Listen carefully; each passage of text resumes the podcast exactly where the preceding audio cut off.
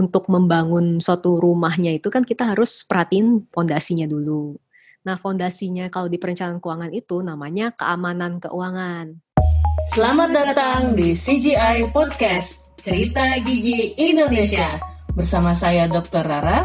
Dan saya Dr. Joce. Yuk kita sama-sama dengerin tentang kehidupan dokter gigi dan kesehatan gigi di Indonesia.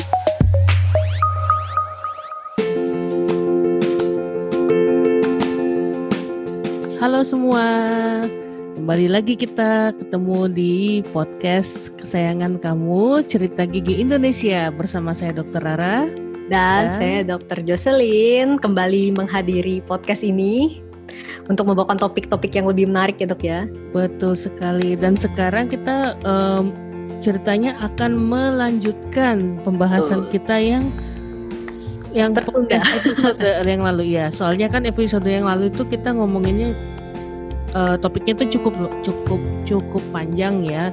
Hmm. Jadi memang karena cukup panjang, maka oleh karena itu kita bagi dua gitu. Biar nggak itu yang ngebul ya ininya kepalanya. Iya soalnya baru Biar satu pusing, ya. satu episode aja udah aduh aduh apaan nih apaan nih. soalnya banyak yang mungkin asing sama istilahnya gitu ya dok ya. Ya dan ya kemudian habis itu jadi jadi berpikir kan yang ah gimana kita saya harus mencoba untuk mengikuti jadi terus jadi ya ya pikirannya jadi banyak gitu kan mm-hmm. uh, singkatnya aja kita recap dikit nih yang kemarin yeah. uh, jadi uh, inti dari permasalahan kini kita kan ngomongin soal financial planning untuk para dokter gigi Betul. Nah, bicara soal financial planning ini ber, uh, tidak terbatas pada profesi dokter gigi saja, jadi tidak eh, dan tentunya juga tidak terbatas pada profesi jurusan ekonomi, keuangan, bisnis dan finance. Tapi tenaga medis juga harus juga ikut memikirkan apalagi sekarang sudah sedang ada masa pandemi Covid yang membuat kita semua lebih aware tentang keuangan. Tuh. Karena ya semua tahulah karena karena pandemi ini kemudian bisnis banyak yang menurun, ke pemasukan juga banyak yang uh, tidak tambah naik juga. banyak juga yang banyak kehilangan yang... lapangan kerja gitu kan. Jadi yeah. banyak banget. Nah untuk itu kita semakin disadarkan bahwa kita ini sebenarnya penting banget untuk uh, memikirkan soal perencanaan keuangan.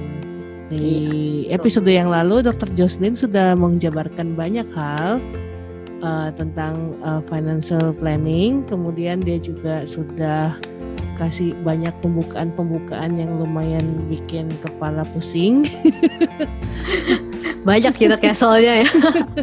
Betul gitu. Emang nih harus ada uh, kursus sendiri kayaknya buka kelas gitu ke.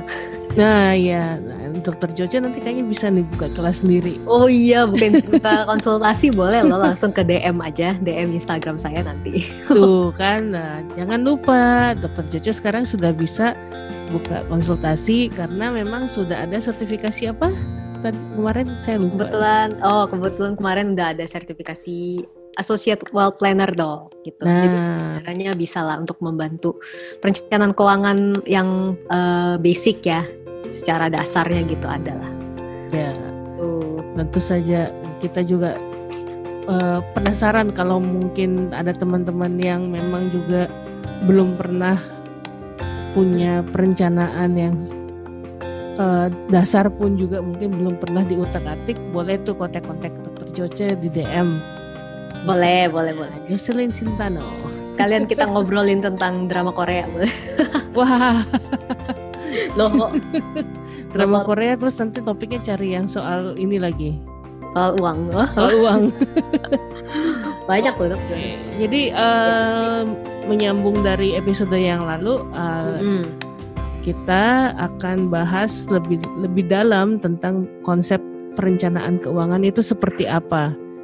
Nah, ini uh, kita langsung mulai aja to the point uh, karena hmm. pasti uh, bahasannya juga lumayan banyak maka kita harus mulai dengan segera tanpa basa-basi langsung saja. langsung Jadi, ya dok. Coce gimana mm-hmm. nih uh, secara garis besar konsep merencana keuangan itu sebenarnya seperti apa ya? Oke, jadi mungkin kita kan sebelumnya udah udah sempat bahas ya dok ya kalau misalnya kita tuh kan uh, kerja gitu, kita kerja atau bisnis cari income kan untuk memenuhi financial goal kita gitu ya dok. Betul. Kita kan punya tujuan gitu, entah itu mau uh, tujuan masing-masing orang pasti beda-beda. Ada yang mau uh, beli rumah atau mau jalan-jalan atau mau bahagian orang tua misalnya. Dan maka dari itu untuk mencapai goal itu kita harus financial planning, kita harus planning istilahnya. Nah, kalau dari financial planning itu konsep dasarnya ya, uh, aku bisa sharing bahwa uh, di financial planning itu supaya gampang ada konsep dasarnya itu namanya piramida keuangan gitu. Jadi bentukannya tuh seperti kayak segitiga gitu. Mm-hmm. Mungkin lebih enak kalau misalnya ada gambarnya gitu ya. Cuman karena kita podcast ya dok ya, agak susah. Betul. Boleh cari di Google nanti piramida keuangan. Mungkin teman-teman nanti ada yang bisa lihat juga. Nah, uh, konsep piramida keuangan ini sebenarnya sangat-sangat masuk akal dan dia bisa gambarin lah maksudnya hmm, financial planning itu seperti apa gitu. Kenapa dia penting dan urutan-urutannya gitu kan dia ada step-stepnya. Nah, itu digambarkan di piramida keuangan. Mungkin yang bisa lihat di sini sekarang cuma Dokter Ira ya. Dokter Ira bisa lihat gambarnya. Boleh. Mau oh iya. share eh susah juga ya. Oh enggak, ada di ada di catatan kita, Dok, biasa. Oh iya iya iya iya iya. Saya lagi lihat juga sih. Oke. Okay. Gak apa-apa, Dok. Nah, maksudnya itu piramida keuangan kenapa? Jadi piramida keuangan itu mungkin teman-teman uh, aku bantu buat bayangin ya. Jadi itu tuh kayak ada dibagi tiga garis horizontal gitu. Jadi piramida yang bagian bawah, yang kayak dasarnya, terus bagian tengahnya, sama bagian puncak gitu ya. Mm-hmm. Nah, yang bagian dasar itu, itu kita sebut kayak fondasi gitu. Jadi kayak kan itu yang paling lebar gitu, yang paling gede, itu fondasinya. Nah, bagian tengahnya itu ya bagian tengah gitu ya, bagian puncak ya paling atas. Nah, kita mulai pasti dari paling bawah tuh. Jadi fondasinya untuk perencanaan keuangan yang paling benar itu yang paling bagus adalah kita harus mm, dapetin dulu namanya keamanan keuangan gitu. Mm. Keamanan keuangan tuh uh, maksudnya gimana? Jadi kan kalau misalnya anggaplah kita bangun rumah gitu ya, kita bangun rumahnya bagus gitu ya, di atasnya uh, pakai mau pakai tangganya yang marmer, mau pakai dindingnya yang apa? Berlian. Berlian lah, terserah lah apa gitu.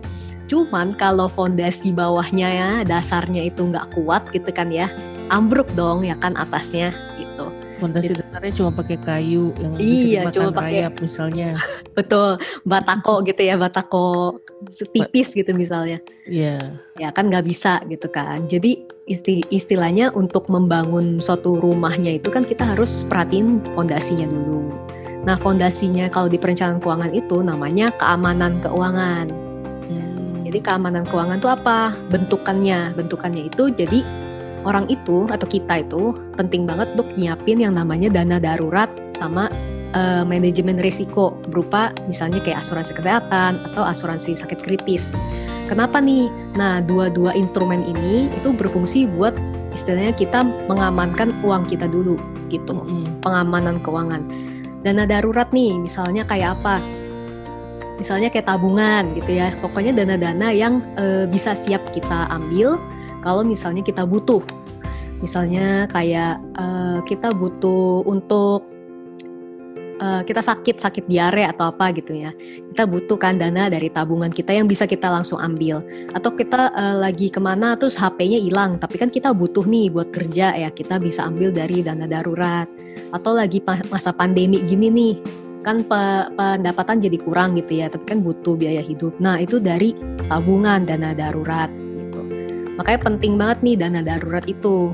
Ditabungnya ke mana? Ditabungnya ke tabungan biasa aja yang kayak gak boleh sebut merek ya, hampir sebut merek. ya kayak Intinya tabungan. ke lah, ke bank. Iya, kan? ke bank atau deposito.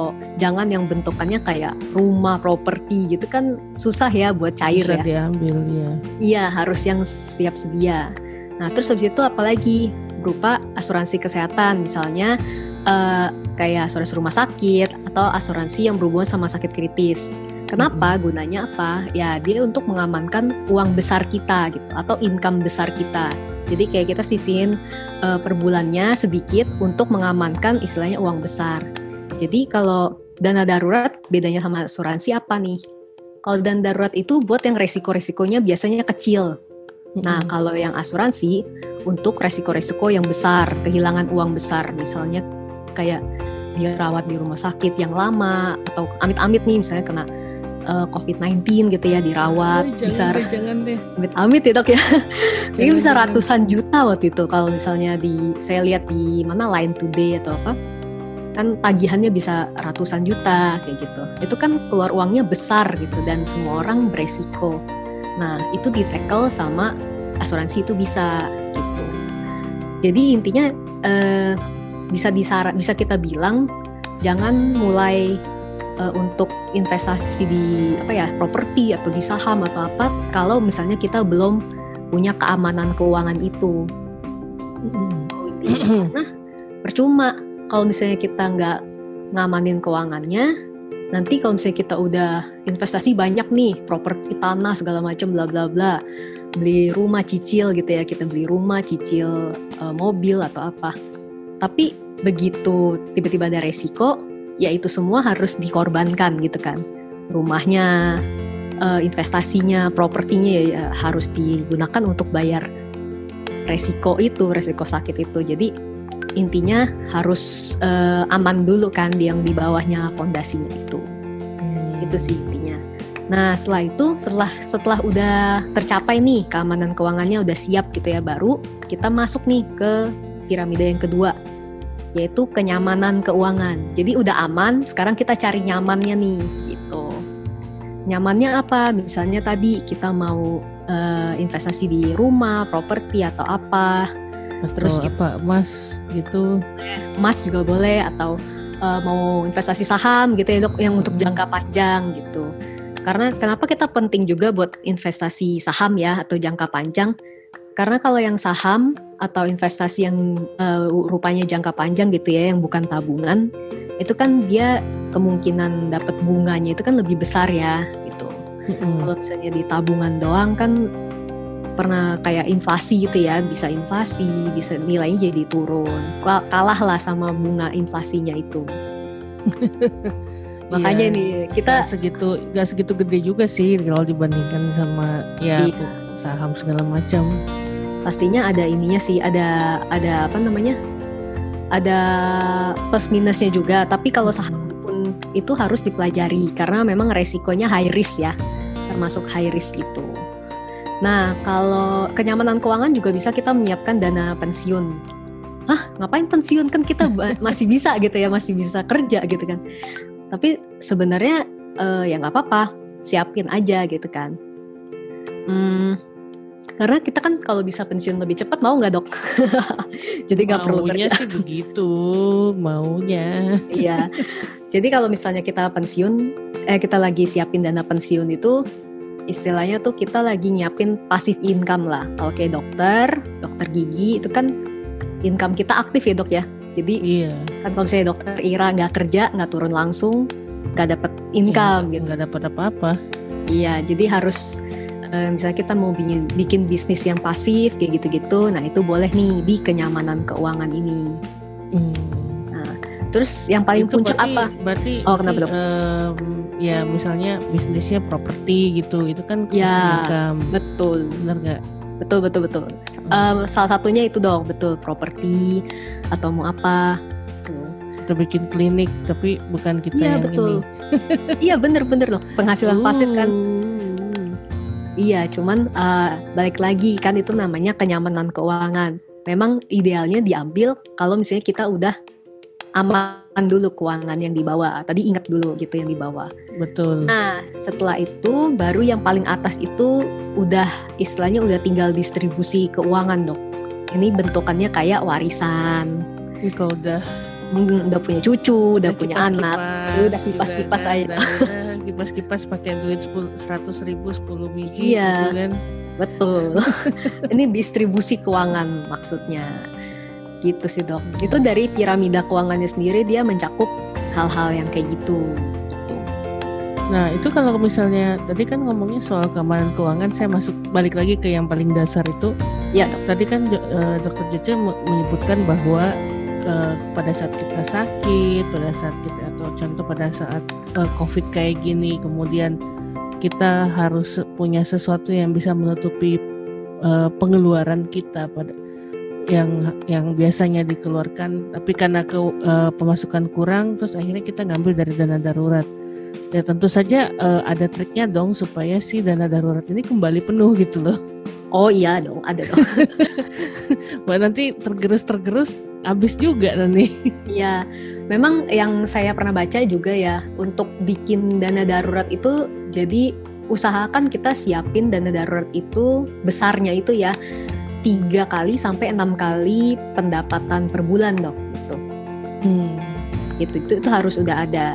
Jadi uh, intinya kalau misalnya kita dapat income gitu ya, memang kita prioritasin ya udah kita nabung dulu aja buat dana darurat.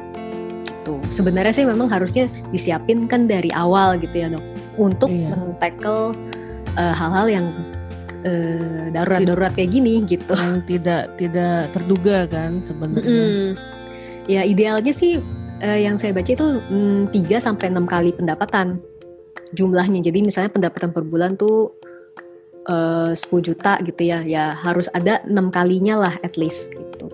Itu berarti kalau misalnya kita sudah menggerus dana darurat kita sampai hampir setengahnya itu bisa hmm. jadi kita harus memutuskan ya punya um, income tambahan mungkin hmm. jadinya.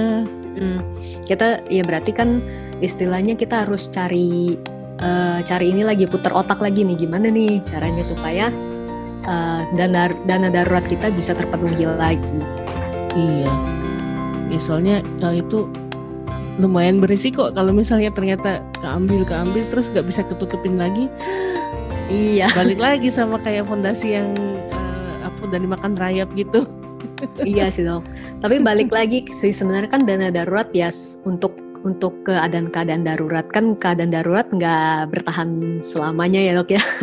Nanti pas udah nggak darurat pandeminya ya. masih pandeminya itu uh, memang Tahan. di luar di luar uh, pemikiran semua orang dok memang makanya itu semua orang tiba-tiba di uh, disadarkan wah gila perlu banget nih namanya proteksi, proteksi income, dana darurat. Ya, soalnya untuk hal-hal seperti ini, gitu sih sebenarnya. Hmm. Gak apa-apa dok, kan kita lagi merintis pelan-pelan pasti bisa. Ya bisa, bisa, pasti bisa. bisa, bisa. Indonesia pasti bisa. Wah, ya bisa lah. Jangan lupa pakai masker ya. Hey, ya, hey, biar nggak cepet yang di sana. Biar biar nggak nambah-nambah lagi, tolong. Dengerin, tolong ya pakai masker, jaga jarak. Hmm. Uh, dan cuci tangan pakai hand sanitizer ya. atau sabun. Hati-hati loh, sekarang rumah sakit udah mulai penuh. Wah, itu bukan, ya kan? bukan isu lagi itu, itu bukan. iya, udah bukan isu lagi. Bahkan udah, udah isu lagi, udah Wisma Atlet juga udah penuh kayaknya. Iya makanya kan banyak yang hotel-hotel sekarang dimintain untuk mm -hmm. bukain supaya bisa menampung pasien COVID. Iya betul. Gitu. Dengan paket-paketnya itu kemarin aku sempat lihat juga. Hah, Udah ada paketnya habis. lagi. Ya, iya dong, ada ada paketnya itu biaya berapa puluh juta gitu, berapa malam gitu kalau nggak salah. Uh, okay, baiklah. Aduh, kalau ngomongin COVID nggak habis ya kita. Jadi garuk-garuk. Oke, jadi uh, sekarang kita masuk ke yang mungkin ditunggu-tunggu. Apa nih dok? Saya tunggu-tunggu juga nih dok. Apa ya? jadi gimana langkah-langkahnya dok? Misalnya bagi orang yang belum pernah nih merencanakan keuangan, mm-hmm. terus baru mau mulai, kira-kira langkah apa yang paling pertama harus dilakukan dulu itu? Berdasarkan segitiga piramid tadi kan tentu saja. Iya. Betul. Jadi so, kalau secara dokter Joce sendiri gimana? Iya, ya betul. Hmm, secara prakteknya ya dok ya kan, yeah. kan secara prakteknya itu uh, sama ya beberapa sumber lah ya pastinya yang aku udah baca-baca juga berdasarkan pengalaman juga. Uh, pertama-tama ya pastinya kita harus tahu dulu nih kita tuh sakitnya apa gitu. Kayak kalau misalnya kita ke dokter kan ya, kita tuh hmm, keadaannya, kondisinya kondisi umum pasiennya kayak gimana gitu kan ya dok ya biasanya ya. Iya betul. Kita harus sadar dulu nih kalau kita mau rencanain keuangan kita harus tahu kondisi keuangan kita itu gimana gitu. Kadang-kadang nih kalau aku boleh sharing nih dulu, aku tuh nggak gitu peduli gitu loh nggak gitu peduli sama uangku ada berapa gitu. Karena kadang-kadang uangku tuh tercecer gitu kan. Ada satu ada di ATM ini satu ada di celengan satu ada di mana gitu. Ada di ini nggak? Di kalau di tas tercecer gitu nggak? Ada oh di iya dong. ini kantong itu. Lagi habis jajan. Ya itu udah wah pokoknya tercecer gitu kan. Ada di bank ini ada yang satu di bank ini gitu. Jadi terus kadang-kadang nggak nggak tahu ya udah tabung-tabung aja cuman kadang-kadang nggak di nggak diperhatiin gitu kan ada berapa. Terus nanti tiba-tiba kok nggak nggak nggak ketabung-tabung ya? Kok habis terus ya? Nah itu tuh mulai tuh. Hmm. itu tanda-tandanya. Kita tuh harus tahu gitu loh kondisi keuangan kita gimana. Karena gimana caranya kita mau beresin ya planning keuangan kita kalau misalnya kita nggak tahu jumlah yang mau diberesin tuh berapa gitu. Betul. kita tuh cukupnya berapa. Nah jadi kalau saran aku kita luangin waktu dulu aja. Kayak waktu itu aku juga luangin uh, setengah harian lah untuk cek buka buka rekening kita yang mana pun yang kita ingat kita punya. Kita bikin di ya bikin di catatan atau di Excel boleh atau di Microsoft Word atau terserah lah boleh. Kita bikin aja jumlah tabungannya berapa ada yang ada di deposito berapa yang di sini berapa segala macam.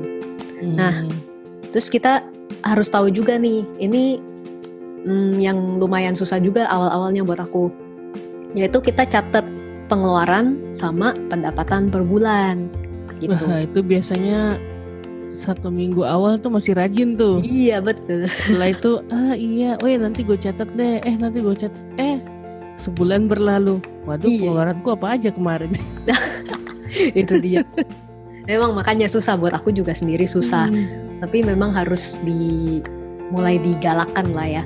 Tapi bisa juga awal-awalnya kalau misalnya per minggu susah, per bulan aja. Jadi karena aku eh, pisahin gitu ya antara rekening yang emang buat dana yang dana darurat intinya dana yang nggak aku tak atik gitu ya kalau ada kalau nggak ada darurat hmm. sama uh, rekening yang emang aku pakai buat sehari-hari gitu nah rekening yang aku pakai buat sehari-hari itu kan uh, ada mutasinya mutasi rekeningnya itu kan bisa di download gitu ya bisa dilihat itu yeah. per jadi biasanya aku selalu setiap bulan gitu setiap akhir bulan itu aku liatin aja yang bulan sebelumnya itu ada pengeluarannya apa aja sama pemasukannya pun kan di situ terus ya pemasukannya dari klinik berapa misalnya gitu dari kampus berapa dari ini berapa ya abis itu bisa di, dilihat lah pemasukan per bulannya tuh kurang lebih berapa sih terus pengeluaran per bulannya kira kurang lebih itu apa aja gitu hmm. Biasanya aku catat sih uh, pengeluarannya apa Shopee Tokopedia gitu. Berapa puluh ribu berapa ratus paket ke online. Ternyata Tokopedia sama Shopee meledak sudah aku. Wah kacau. Apalagi beli beli beli lampu gitu ya lampu podcast gitu. oh ini curcol. Iya curcol dong. Tapi ya nggak apa-apa seneng kok seneng happy ya tapi harus dicatat gitu kan kira-kira pengeluarannya ada berapa gitu. Jadi ada recordnya lah at least. Gitu. Nah yang kedua itu kan yang pertama dok. Hmm. Istilahnya kalau kayak pasien tuh ya kita harus cek dulu nih check up check up keseluruhan mulutnya dulu kan gitu. Iya betul. Nah baru yang kedua itu kita identifikasi masalahnya di mana. Identifikasi juga ini goal kita tuh sebenarnya apa gitu. Sebenarnya sih lebih ke situ sih. Identifikasi finansial goal kita apa. Kita maunya tuh hmm, kayak gimana nantinya. Kan goal orang beda-beda ya tergantung uh, lagi di usia berapa misalnya. Misalnya kalau yang uh, anak umur 20 tahun misalnya goal ke depannya atau 5 sampai 10 tahun uh, mau punya apartemen misalnya ya aku nggak tahu misalnya pengen punya mobil atau pengen sekolah atau pengen kayak ini dong lagu apa, gitu pengen punya mobil pengen punya mobil Aku gak tahu lagu lagu Enggak tahu lagu itu. Enggak. Ah, I feel so old. I feel I feel so enggak tahu. I feel so lagunya Oki Resta. Cari Boleh nanti di Spotify. Oke, okay, siap. nanti aku cari. ya itu pokoknya ya kayak tadi uh, kita pengen punya mobil, punya pengen punya apa, kita catat aja gitu.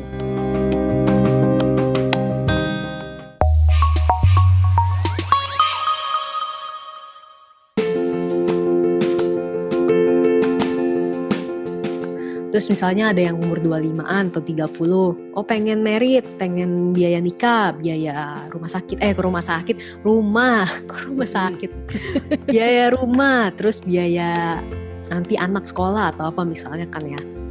Jadi kita harus tahu dulu tuh yang kita mau capai itu apa. Jadi biar kita on track gitu kan, biar kita nggak uh, melenceng gitu kan. Kita bisa tahu oh tujuannya tuh ke sini gitu. Jadi kita lebih termotivasi lah gitu. Hmm, oke. Okay. Jadi pada saat ini ini di mana kita selalu akan selalu mengatakan bisa pasti bisa. Hmm, pasti bisa. bisa pasti bisa. pasti bisa. Indonesia okay. pasti bisa. Berikutnya apa nih? Ya kadang-kadang juga kan ada dokter-dokter yang mau uh, buka klinik gitu kan ya. Ya pasti kan perlu dana ya. Jadi harus dikembangin, harus di itu harus ditabung. Nah, ketiga itu baru dari situ kita udah tahu nih kondisi keuangan kita apa, kita udah tahu goal kita apa. Selanjutnya kita tinggal atur strategi, financial strategi. Itu. Jadi supaya goal kita itu tercapai itu gimana ya caranya? Lihat aja dari uh, uang yang kita udah punya, tabungan kita itu sehat atau enggak kan kita lihat tuh oh, dana daruratnya tercukupi enggak, udah ada uh, proteksi belum, terus udah ada dana investasi belum misalnya kayak gitu. Kalau misalnya belum ada atau oh kayaknya pendapatannya kayaknya nggak cukup nih misalnya nggak cukup ya. Nah kita lihat itu mungkin uh, masalahnya di mana nih? Apakah income-nya mungkin perlu ditambah sumber yang lain atau kalau memungkinkan hmm, tabungan kita terlalu banyak di satu tabungan gitu nggak ada yang diinvestasikan itu kan bisa dipecah-pecah lagi nanti ada yang diinvestasiin atau ke deposito lah yang bunganya lebih gede gitu ya atau ke reksadana atau terserah itu benar-benar sesuai profil masing-masing. Hmm. Cuman mungkin aku nggak bahas satu-satu di sini karena pasti lebih panjang lagi dok ya. Waduh, itu bisa. iya. Uh, bosen kali itu kalian dengarnya nanti. Iya. Dan lebih menarik pun kalau misalnya kalian bisa cari sendiri juga nanti uh, banyak banget instrumen investasi. Sekarang juga milenial udah pada uh, melek investasi gitu sih ya. Itu bagus banget juga. Ada di mana-mana kalian mau belajar juga di YouTube atau di Google itu banyak banyak banget. Gitu. Tapi sebaiknya juga ada, harus ada ini ya, ada uh, pegangan kan ada beberapa buku hmm, yang betul. memang ngobrolin soal investasi ini. Mm-hmm. Jadi jangan iya. berdasarkan uh, serta merta berdasarkan online aja gitu. Iya, jangan terlalu berpaku pada satu sumber kan sumber banyak ya. Betul. Nah, dari strategi-strategi itu nanti kita bisa pilih gitu kan, kita bisa pelajarin dan memang kalau untuk investasi itu harus dipelajarin. Gitu. Karena karena nggak boleh kayak kita judi gitu nanti hitungannya jadi kayak judi ya.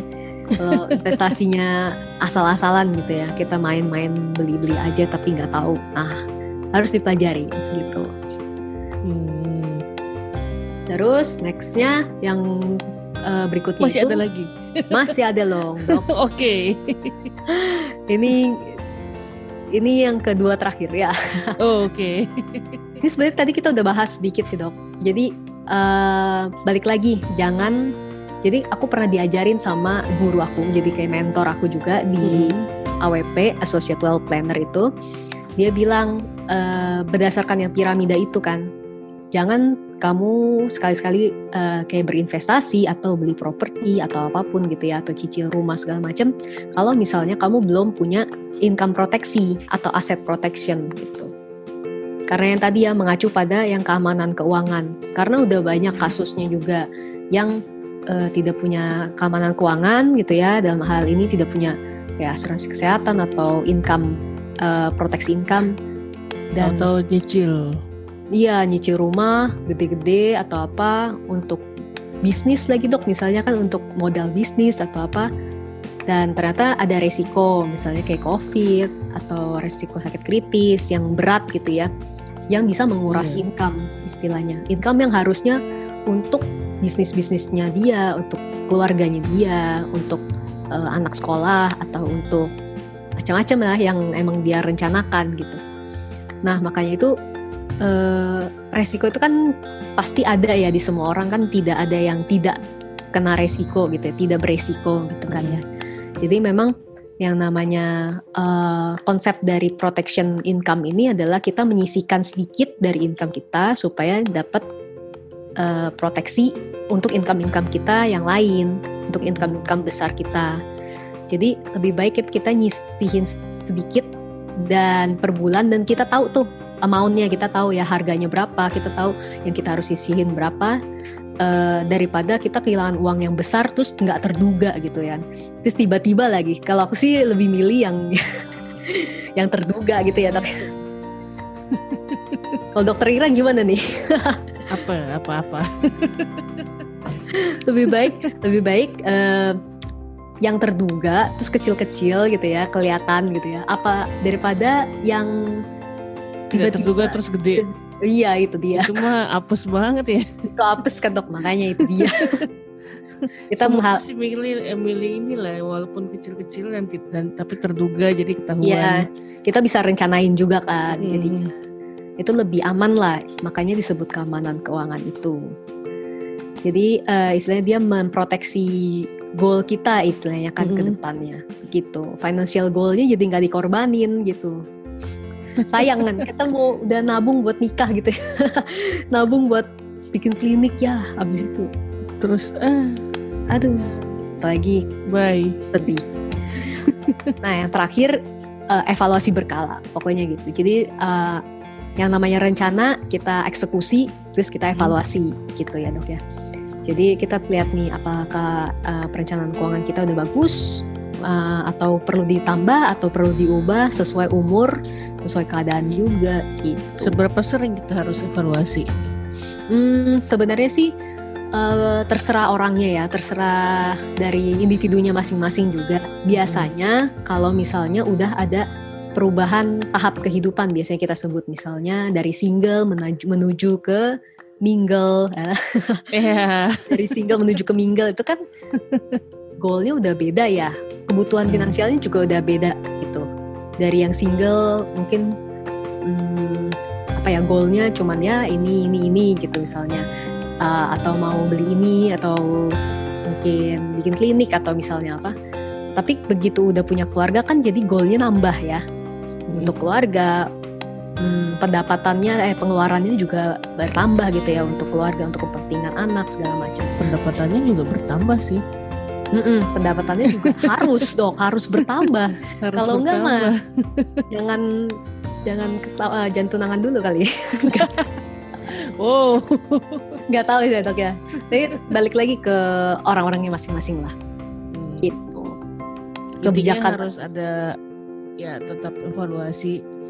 Mungkin mungkin maksudnya kadang-kadang orang kan udah ngerjain ini ngerjain itu terus lupa gitu loh kalau kita perlu perhatikan ada yang harus kita tambahin atau harus ada yang kita kurangin gitu dengan berjalannya hidup. Mm-hmm. Iya makanya itu dia kan kadang-kadang uh, keasikan gitu mungkin ya dok. oh nggak tahu tiba-tiba loh kok saya kan udah berkeluarga gitu. oh, ada nggak ya? Kan, uh, ya pasti ada sih, ada pasti ada. Iya makanya itu harus kita harus sadar juga kalau misalnya udah punya anak, udah punya istri atau suami, berarti kan sudah punya apa ya orang yang bergantung sama kita lah gitu. Ya, dan berarti ya kita harus mm -mm. ya berpikir itu. Walaupun misalnya pun yang single pun sebenarnya kan paling nggak memikirkan mungkin iya. buat orang tuanya juga nanti kalau betul, misalnya betul, orang tuanya sudah nggak bisa kerja atau apa. Iya, ya. kita juga harus bantu itu harus ya harus di, dipikirkan hmm. matang-matang sih iya. situ, gitu. Maka maka dari itu kalau misalnya yang kita masih single uh, kita udah punya planning seperti ini pasti ke depannya jauh lebih mudah gitu. Pasti ke depannya pun jauh lebih cepet lah. Istilahnya kita sudah sudah tahu nih kita harus planning di mana ini segala macam nah, ini membantu untuk ke depannya banget soal planning dan masalah komitmen Betul. Karena kalau kita tidak punya komitmen untuk ini, kita tidak bisa melakukan semuanya sepertinya. Betul sekali. Mantap dokter ya, mantap. Langsung lulus. Langsung lulus financial planning class. Wow.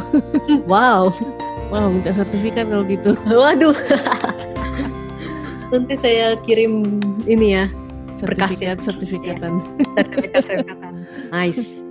Oke, okay, jadi ini udah pembahasannya udah sampai di penghujung hmm. uh, podcast nih, penghujung episode kayaknya. Yo, dok. Jadi, ya, hari ini kita lebih singkat ya dok ya. lebih singkat tapi lebih padat loh. iya, karena dia lebih ke pengimplementasian kayaknya deh. Betul. Ya. Uh, jadi kesimpulan dan pesan-pesan khususnya nih para dok untuk para dokter dan dokter gigi dalam hal perencanaan keuangan mm -mm. Uh, bisa merecap yang tadi terus habis itu sambil kasih pesan-pesan uh, yang bisa bermanfaat iya betul dan mengena di hati Asik, aku coba ya ya. ya intinya kita sebagai para dokter praktisi medis ya dokter-dokter gigi kan kerjaan kita kan istilahnya ya membantu orang ya menolong pasien kita mm-hmm. uh, untuk mengobati keluhan mereka. Tapi di sisi lain dokter juga adalah seorang manusia gitu ya. Dokter dokter gigi kita semua kan manusia yang nantinya juga pasti uh, akan punya punya tujuan, punya goal pribadi, punya keluarga gitu ya, punya anak, punya istri, punya suami yang nantinya juga kita itu untuk fulfill our life gitu kan ya istilahnya sih. Ini kalau dari aku sendiri ya. Uh, ya istilah intinya untuk financial planning itu juga dibutuhkan untuk para praktisi medis itu sendiri untuk yang mencapai goal-goal tujuan-tujuannya pribadinya itu entah nanti juga mau apa bikin klinik untuk orang-orang yang kurang mampu atau mau bikin uh, macam-macam lah ya untuk keluarganya segala macam itu semua sebaiknya direncanakan gitu. Supaya apa ya? Supaya uh, istilahnya ketika dokter itu bekerja ya bekerja aktif kan ya dia kan aktif ya bekerjanya bukan uh, income-nya bukan pasif ya kalau dokter. Ketika dia bekerja secara aktif dia juga punya uh, peace of mind gitu. Jadi hmm, istilahnya dia punya ketenangan juga dalam batin karena ya istilahnya finansialnya aman gitu. Berdasarkan yang tadi segitiga piramid keuangan itu finansialnya aman, uh, keluarganya juga ya aman gitu kan. Masalahnya kadang eh, kadang-kadang dokter sibuk gitu mm -hmm. untuk misalnya merencanakan keuangan. Jadi kadang-kadang bisa hire jasa financial planner.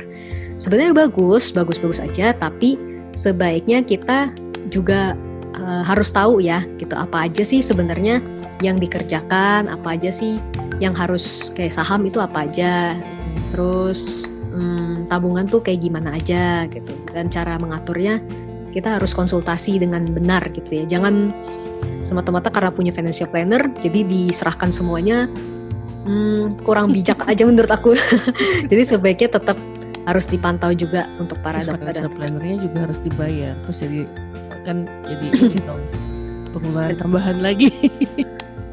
ya kalau biasanya yang punya yang pakai financial planner itu mungkin yang memang sudah untuk mengelola dana-dana yang besar-besar biasanya sih dok. Oh. Gitu.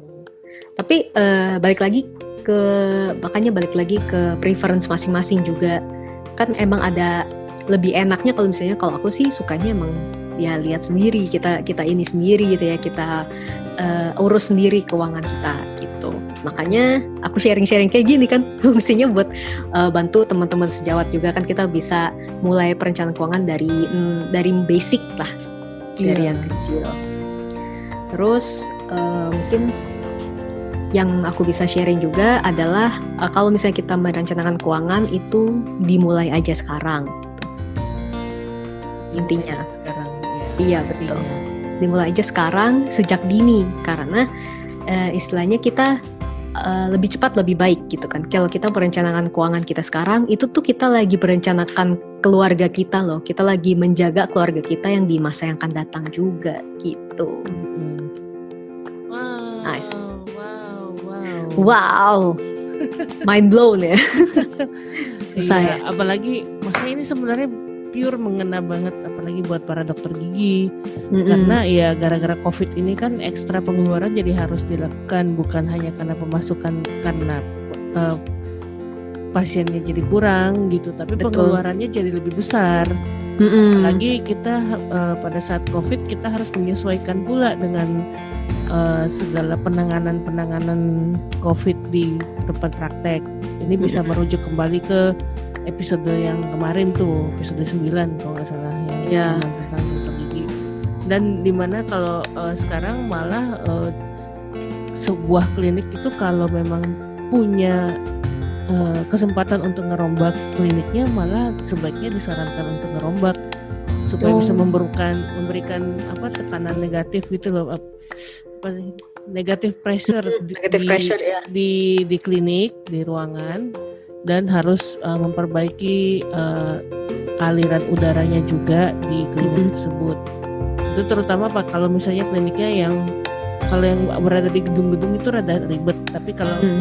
kalau memang kliniknya berdiri sendiri nah itu uh, biasanya orang-orang akan lebih disarankan untuk melakukan itu dan itu Iya. harganya juga tidak murah karena Betul kan artinya banget. kan dia mesti ngerombak segala ventilasi segala Iya. langit ininya dibongkar semua gitu-gitu lah Iya banyak penyesuaian pokoknya gara-gara covid ini jadinya banyak yang harus disesuaikan dan kita pun sebagai individunya ya kita harus menyesuaikannya. Salah satunya juga dengan mempersiapkan diri lebih baik juga gitu ya. nah iya Dan jangan keluar-keluar. iya nih bagi yang di Jakarta sedang PSBB harap Iya. diingat Kalau ada yang belum penting-penting banget ya jangan. Mungkin kita nge-zoom aja, kita nge-zoom. harus membiasakan segala-galanya online iya, sekarang eh, kuliah juga online kayaknya.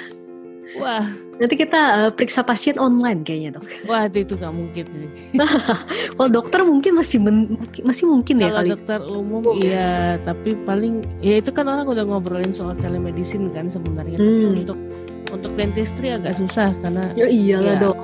karena kan kita eh, berpraktek secara aktif maksudnya Betul. Prakteknya harus langsung pada ininya kan, pada Mm-mm. pada sumber masalah gitu. Nggak Iya. bisa cuma oh iya begini begini, oh kurang lebih ini lah. Nambelnya caranya gimana? Karena tidak bisa diobati dengan obat saja. Betul. Ah, Oke, mantap. jadi sampai di sini episode kali ini kita mungkin agak lebih singkat walaupun padat. Eh, Ada ya dok kayak daging ya dok. jadi lapar. Waduh. Jadi eh, semoga di episode-episode berikutnya kita bisa menghadirkan topik yang tidak kalah jauh lebih menarik. Eh, kalau misalnya teman-teman ada saran mau mengangkat topik apa atau misalnya teman-teman ada saran ya, wawancarain eh, si dokter ini dong, si ini dong, gimana dong?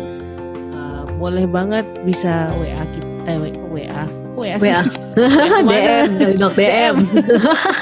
bisa DM kita di Instagram di @ceritagigi.id yes.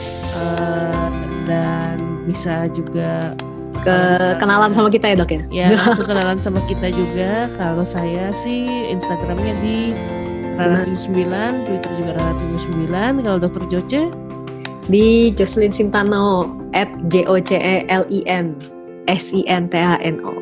C E L I N S I N T A N O. Oke, Seperti biasa. seperti biasa Yoi. Jadi eh, kalau misalnya mungkin eh, malu-malu mendm ke ceritagigi.id bisa d- d- eh, DM ke kita kita aja gitu. Intinya Boleh. un- semuanya kan untuk kalian juga gitu. Kita mau ngobrolin apa, kalian juga yang dengar. Mm-mm. Kita juga seneng ya bisa Kita sharing-sharing. senang kita juga bisa sharing-sharing. Semua Yes. senang. Nice. Semua harus happy. Yang penting harus happy ya guys, biar nggak cepet Nah, sakit. iya. betul betul betul. Jadi pesan terakhir kalau eh, sebelum kita tutup dalam masa kayak gini tidak boleh stres kalau misalnya memang tiba-tiba eh, lagi apes terserang COVID positif COVID Mm. tidak apa-apa jangan khawatir semua itu ada jalannya dan harus tetap semangat dan Betul. tidak boleh stres kalau once kita stres itu akan menurunkan imun kita jadi happy happy aja kalaupun harus di karantina ya udahlah main game aja misalnya saya nanti mau main game Iya betul. Bener banget. gitu Intinya harus positive thinking ya, positive thinking. Segala positive thinking kalau misalnya bingung eh, kayak gimana gimana coba kulik-kulik kita udah ada episode tentang apa, eh, apa pengalaman yang dokter gigi yang Oh, iya, betul, juga kan. Salah satu sejawat kita juga pernah dan eh, memang harus intinya dari positive thinking ya, dari mind kita, dari pikiran kita juga harus uh, itulah yang membuat kita bertahan gitu teman-teman. Betul. Tetap sane. tetap, tetap sane in this insane situation. betul betul betul. Oke, okay, ya udah kalau gitu terima kasih sudah mendengarkan. Sip. Undur diri dulu uh, sampai ketemu di episode berikutnya. Bye bye. Ya, terima kasih semuanya. Bye bye. Cerita Gigi Indonesia, tempat curhat dan edukasi dari dokter gigi Indonesia kepada teman sejawat dan masyarakat umum. Kalau kamu suka podcast kami, subscribe atau follow dan share podcast ini ke teman-teman kamu.